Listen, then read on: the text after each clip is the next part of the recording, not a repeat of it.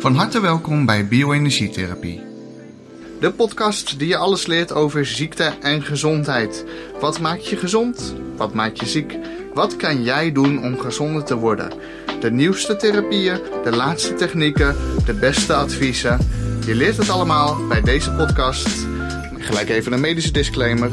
Alle informatie en medische claims in deze podcast rusten enkel en alleen op onze persoonlijke ervaringen en zijn niet per se wetenschappelijk bewezen. Onze diensten en adviezen zijn geen vervanging voor hulp van getrainde medische professionals zoals artsen.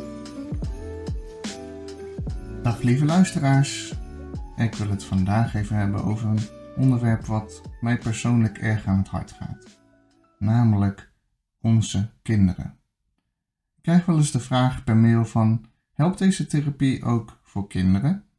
En misschien ook voor baby's? Maar natuurlijk helpt het ook voor kinderen en voor baby's. Het helpt juist een stuk sneller voor kinderen en voor baby's dan voor volwassenen. Omdat kinderen veel sneller weer te herstellen zijn naar hun oorspronkelijke staat, waarin hun zelfgenezend vermogen weer goed functioneert. Zelf heb ik heel wat ervaring met kinderen opgedaan de afgelopen negen jaar, maar lang niet zoveel als ik zou willen.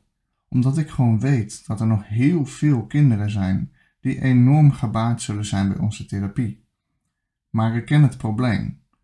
Je bent heel voorzichtig met je kinderen. Je bent heel snel geneigd om te denken: ik doe gewoon wat de dokter zegt, want ik wil niet het verkeerd doen. Neem een kind met eczeem. De dokter zou zeggen: hier heb je een crèmpje of een zalfje en dan moet het overgaan. Maar de dokter zal nooit onderzoeken wat is de reden dat dit specifieke kind eczeem heeft. En wat gaan we daaraan doen? Of een kind met maag-darmklachten. Ja, zo gaat het weer over. Eigenlijk worden we net zo als, als wij zelf met een kluitje in het riet gestuurd. En denken we, nou ja, we hebben ons best gedaan, we zijn naar de dokter gegaan, we doen wat de dokter zegt. Als de klachten niet overgaan, meer kunnen we niet doen. Dat is onzin. Een kind hoeft absoluut geen chronische gezondheidsklachten te hebben. Geen chronische verkoudheid.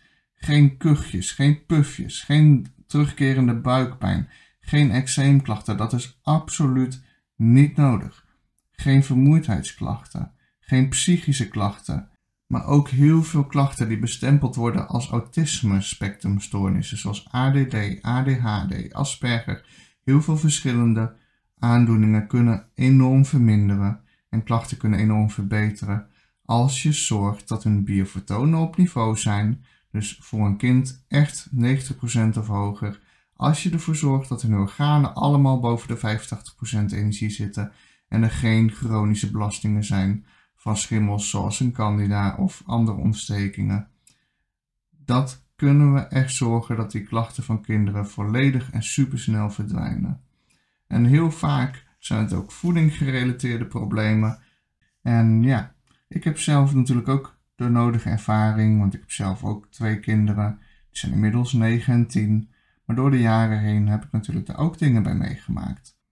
Ik kan heel veel voorbeelden noemen van ouders die met de kinderen naar ons toe zijn gekomen, wat mij gewoon echt bijblijft. Omdat je natuurlijk een enorm grote impact kan maken op het leven van een kind. Zo was er bijvoorbeeld een keer een jonge tiener, die ging naar de eerste klas. Maar ze kon niet meekomen met de rest. Ze was altijd zo moe en ze had altijd zoveel buikpijnklachten dat ze al jarenlang eigenlijk maar een beetje mee zat te ploeteren met haar leeftijdsgenoten. Met sporten kon ze niet meekomen. Ze moest met een elektrische fiets naar school, want een normale fiets kon ze niet volhouden. Nou, wat bleek er nou te spelen? Chronische Epstein-Barr-belasting. Dus een ziekte van Pfeiffer die ze aan het begin van de puberteit heeft gehad, maar maar niet over wou gaan. En op de achtergrond bleef doorsluimeren. Je gaat naar de dokter met zo'n kind en die zegt, ja, nou ja, ik meet wel antistoffen voor Epstein-Barr-virus, maar ja, je hebt ooit Pfeiffer gehad. Dus daar, hoeven we verder niet naar te kijken. En voor je het weet krijgt zo'n kind het label chronisch vermoeidheidssyndroom en daar zit het de rest van het leven aan vast. Dus ze kwam bij ons en ik mat gelijk via de bioenergetische bloedstest dat er dus een chronische virale belasting was. Nou, we hebben wel geteld vijf of zes therapiebehandelingen gedaan hè, met vertonentherapie en de verlenging tegen het virus. En ze was volledig genezen en tot de dag van vandaag, dat is nu al jaar geleden, van haar klachten af. En ze was zo blij daarmee. En dan maak je gewoon zo'n groot verschil. Een ander voorbeeld. Een babytje, een jongetje, was geboren, maar moeder gaf niet genoeg moedermelk. Dus over op flesvoeding. Nou, dat ging helemaal fout. Kwam helemaal onder eczeem, kwam en uh, kreeg uh, heel veel maagkrampjes en lag daar maar van wakker en wakker. Dus naar de dokter. Nou, de dokter die geeft dan speciale andere melk waar dan geen lactose in zit. Dat hielp wat, maar ook nog niet echt veel. Maar goed, wat moet je nog doen? Dus ze gingen er maar mee door. Het kind was niet gezond en ze bleven teruggaan af en toe naar de dokter van wat moeten we ermee. Uiteindelijk kwam ze bij mij terecht. Nou, ik kijk naar het bloed. Ik zie gelijk een gigantische hoeveelheid candida in dat bloed zitten. Ik zeg gelijk al, dit is niet normaal. Als we hier niet wat aan doen, dan gaat dat kind het gewoon niet redden. Dat was gewoon een levensbedreigende situatie, zo ziek als dat kind al was. Omdat die melk, die kan gewoon niet verteerd worden door dat kind. Waardoor het dus hele foute dingen in de darmen gaat voeden. Slechte gisten en schimmels. Daar krijg je gigantisch buikpijn van. Maar bovenal raakt je lever volledig vergiftigd van alle afvalstoffen van die candida. Dus dat kind was gewoon doodziek. En dat bleef zichzelf in stand houden. En ik heb direct gezegd, we gaan een kuur doen van een voedingssupplement wat helpt om die candida te verminderen. Dus we deden vertoningtherapie, bioresonantie, een kuur om die uh, candida te verminderen die al naar het bloed was gemigreerd. Dus dat zat niet alleen in de darmen, maar zat al helemaal in het bloed. Een week later ging het gewoon tien keer beter. En dan hebben we het hier over een kindje waarmee die ouders gewoon al een jaar lang constant af en aan naar de ziekenhuis liepen. En de beste specialisten hebben ze gezien. En iedereen stuurt ze met een kluitje en een teriet naar huis. Van ja, nou ja, we kunnen er niks aan doen. En er is niks aan de hand. Terwijl het kind gewoon stervende was. En dat is dan zo erg. Dat iemand zoals ik, die het allemaal maar een beetje op eigen houtje heeft uit moeten zoeken. En alle opleidingen zelf maar met elkaar op moeten sprokkelen. Gewoon binnen een paar minuten duidelijk heeft wat er met het kind aan de hand is. En natuurlijk ben ik daar heel blij voor, dat ik dan dat kind kan helpen. Maar ik vind ook dat de reguliere geneeskunde zich diep moet schamen. Dat als jij met een ziek kind zeg, bij de dokter komt en die heeft darmklachten en je gaat niet uitzoeken van waarom en alleen maar zegt, nou ja, dan moet je maar een ander soort melk proberen of wat dan ook. En verder geen onderzoeken doet en geen bloedonderzoek doet om te kijken of er kan. Ik vind dat gewoon beschamend. En er zijn zoveel ouders die met hun zieke kinderen naar de dokter gaan en gewoon niet geholpen worden. Maar het is heel makkelijk om dan te vergeten, want ja, hij gaat wel weer spelen. En, uh, maar het is niet zoals bij jezelf, dat je het constant voelt en constant aan herinnerd wordt. Dus het is makkelijk om de problemen van onze kinderen ja, een beetje te vergeten, om het maar even zo te zeggen. Om er niet heel veel mee bezig te zijn, omdat je denkt, ja, als ik er niks aan kan doen, want de dokter zegt ja, maar hij heeft een ziekte en dat is niet te veranderen. Ja, dan moet je daar maar bij neerleggen als ouders. Maar dat is dus absoluut niet waar. Jong en oud, ik heb ze in de praktijk gehad.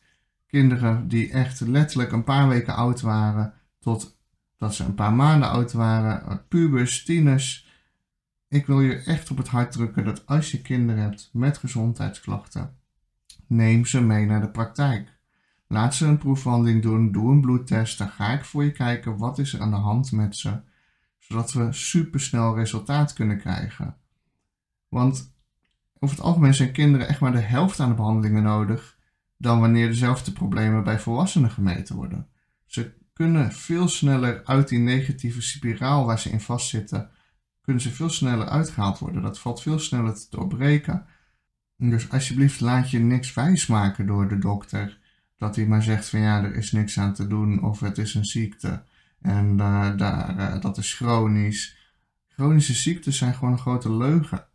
Chronische klachten die bestaan absoluut en die kunnen in stand houden de chronische tekorten aan biofotonen, chronische verstoringen aan het darmstelsel of aan andere orgaanstelsels. Daardoor kunnen inderdaad een situatie in het lichaam ontstaan wat een constante visueuze cirkel wordt en klachten erger worden. En je op een gegeven moment op een punt bereikt dat ze zeggen, nou, dit is een chronische ziekte, want je voldoet aan deze en deze criteria waarop we kunnen zeggen dat je die ziekte hebt. We meten deze en deze afwijkingen, dus daar is niks meer aan te doen. Nou, je hoeft mij nog geen chronische ziekte te vertellen die niet te genezen is. Ik heb het allemaal meegemaakt. Ik heb het allemaal voorbij zien komen. Astma, COPD, reuma, MS, de moeilijkste ziektes waarvan ze zeggen dat dat niet te genezen is. Ziekte van Lyme, prikkelbare darm, spastische darm, noem het allemaal op, bij jong en oud. Ze zeggen dat het niet te genezen is, dat is niet waar. Het is wel te genezen. We kunnen het wel genezen. Met hulp van de therapie kunnen we zorgen dat jouw lichaam weer in balans komt en de onderliggende oorzaken herstelt, zodat de chronische visuele cirkel van gezondheidsklachten verdwijnt en je weer herstelt.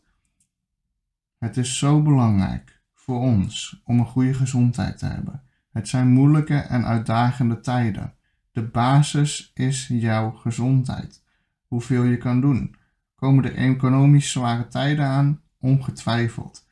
Dus een goede baan is enorm waardevol. En een goed gezond lichaam is of eisen voor een goede baan. Investeer nu in je toekomst om te zorgen dat je gezonder bent, maar vergeet je kinderen niet.